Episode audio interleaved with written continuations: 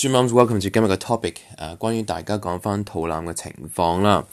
嗱，好多媽媽亦都會問我點解唔誒冇肚腩啲動作，我要減肚腩。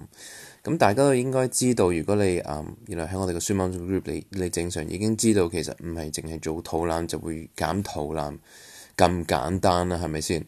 你見到依幅圖咧，係一個好係一個好嘅例子嘅。你見到左邊一個媽媽。佢佢裏面係有腹肌嘅。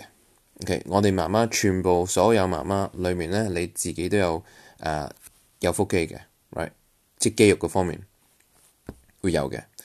但係你有咁多脂肪，依家係冚埋咗咁，就算你練個肚腩咧，你係都冇效果嘅，因為你自己個誒脂肪係阻止咗佢，right？So 如果一個媽媽去到二十六誒誒 percent 個個脂肪。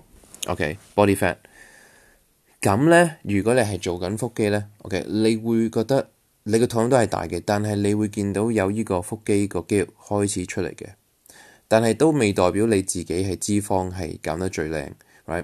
去到第三幅圖咧，你個脂肪係去到廿一至廿三個 percent。你做腹肌咧，你好明顯見到你自己腹肌嘅，就係咁簡單啦。